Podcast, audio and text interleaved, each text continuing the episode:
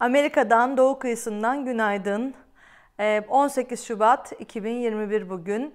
Bir süre ara vermiştim, biraz tatil yaptım. Amerika'nın çoğunluğu haberlerde görmüşsünüzdür, donuyor. Ee, Texas eyaleti bile dondurucu soğuklar nedeniyle elektrik kesintileri yaşıyor. Büyük skandal olarak tanımlıyor insanlar bunu haberlerde. Çünkü elektrikler kesik, ısınma yok. İnsanlar evlerindeki eşyaları bile e, yakmaya başlamışlar ısınabilmek için. Dolayısıyla Amerika bu kadar soğukken e, biraz biz e, güneye bir yerlere, biraz daha sıcak bir yerlere birkaç günlüğüne gittik.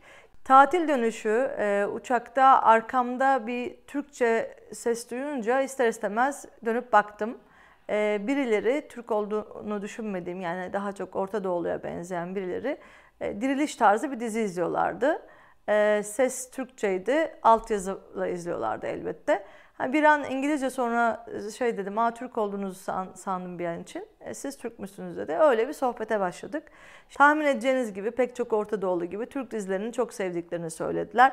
Ben de işte Diriliş gibi diziler propaganda dolu olduğu için izlemiyorum. E, ama izlediğim başkaları var, biliyorum, farkındayım dedim. Şaşırttılar benim böyle düşünmeme ve neden olduğunu merak ettiler. Onun üzerine ben aldım sazı elime ve Türkiye'de olanları anlatmaya başladım. Tabii ki çok şaşırdılar.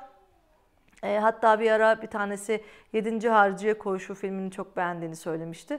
Ben de e, o nedir ki şu an Türkiye'de bundan çok daha beterleri insanların başına geliyor dedim. Erdoğan döneminde bunlar yaşanıyor e, deyince daha da şaşırdılar. Haberleri yok. Özetle burada karşılaştığım pek çok Orta Doğulu gibi Türkiye'de olanlardan habersizler. Tam aksine Erdoğan'ı bir lider olarak, Türkiye'yi örnek bir ülke olarak görüyorlar. E, bazı yönlerden haksız değiller tabii. 2010 öncesi Türkiye bu açıdan parlayan bir yıldızdı. Sonuçta Müslümanların gelip rahatça yiyip içebilecekleri e, ama aynı zamanda özgürce yaşayabilecekleri bir ülkeydi Türkiye. Dolayısıyla Orta Doğulular için bir cazibe merkezi olması normaldi. E, ama eğitimliler bile aslında olan bitenden habersizler. Ben özellikle şu an başörtülü kadınlar, bebekler bile hapiste deyince çok şaşırdılar. Tam anlayamadılar da galiba işte yani Gülen hareketi dedim anlatmaya çalıştım. Ama bayağı bir habersizlerdi. O zaman şöyle düşündüm. Yani biz batıdakilere anlatmaya çalışıyoruz. İki cümle söyleyince zaten e, anlıyorlar. E, Nazi tecrübesinden dolayı anlıyorlar. Ama Orta Doğulara e, bu meselelerin hiç anlatılamadığını fark ettim. Tabii ki dil engeli de var ama bu dizilerin aslında ne kadar etkili olduğunu, propaganda dizilerinin ne kadar bir anlamda illüzyon yarattığını bir kez daha tecrübe etmiş oldum. E, işin ilginci e, bu çocuklar, genç çocuklar kendileri Filistinli oldukları için yani etnik olarak Filistinli oldukları için Arap dünyasından şikayet ediyorlar. Çünkü mesela Arap dünyasında Ürdün dışında Filistinlilere vatandaşlık veren bir ülke yok. Onda da babanın Ürdünlü olma şartı vesaire var e, işte Mısır vermiyor, diğer ülkeler vermiyor. E, işte diyorlar ki geri dönme hakkınız elinizde kalsın diye. Halbuki insanlara bir seçenek sunmaları gerek. Yani ikinci sınıf olarak yaşıyor aslında Filistinliler orada. Haliyle işte böyle e, one minute vesaire diyen birisi çıkınca e, onu bir kahraman gibi görüyorlar. Ama ben işte bu Mavi Marmara meselesini anlatıp sonra da İsrail'den 20 milyon dolar tazminat alındı deyince bir tanesi sadece 20 milyona mı e, İsrail'le anlaştılar diye çok şaşırdı. Bu kadar canın karşılığında. Dolayısıyla yani sadece o görünen kısmını, propaganda kısmını biliyorlar. Sonrasında olanlardan habersizler. Aslında Arap dünyası söz konusu olunca olanların gayet farkındalar. Mesela bir tanesi işte Suudi ailesinin, Suudi kralının tek tek ama tek derdi iktidarda kalmak, kendilerinin ve ailelerin rahat dedi. E ben dedim Türkiye'de bundan farksız değil. Yani Türkiye'de de durum mesele e, Erdoğan ve ailesinin e, be, bekası aslında.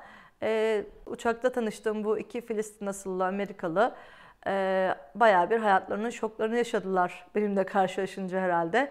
Bu arada e, biz seyahate çıkarken bütün kurallara uyduk tabii ki. Ben uçakta çift maske taktım, havaalanında da öyle. Ama yani hatta gitmeden önce şart olduğu için Covid testimizi de yaptırdık. E, negatif çıkınca ancak uçağı kabul ediyorlar zaten.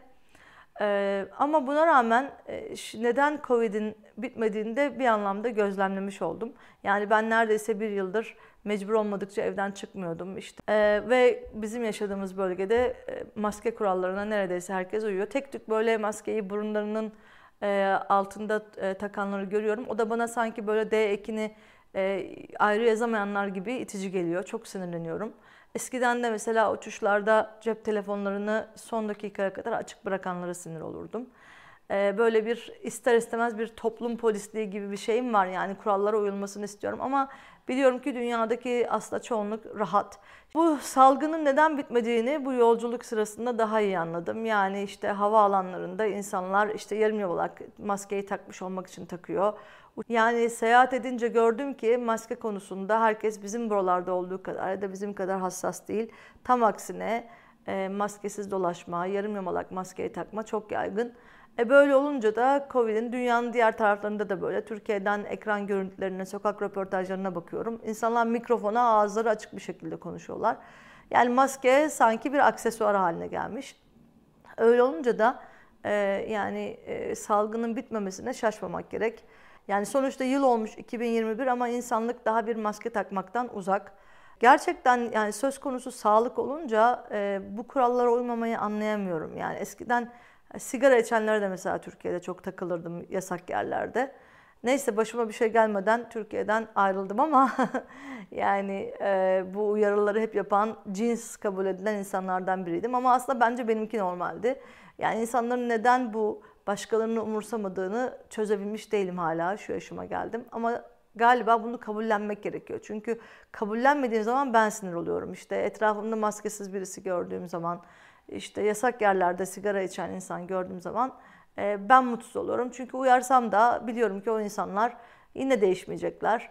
Yani bu e, değerler eğitiminin aslında erken yaşlarda e, verilmesi gerekiyor. Herhalde ara verdiğim için bugün böyle takılarak konuştum.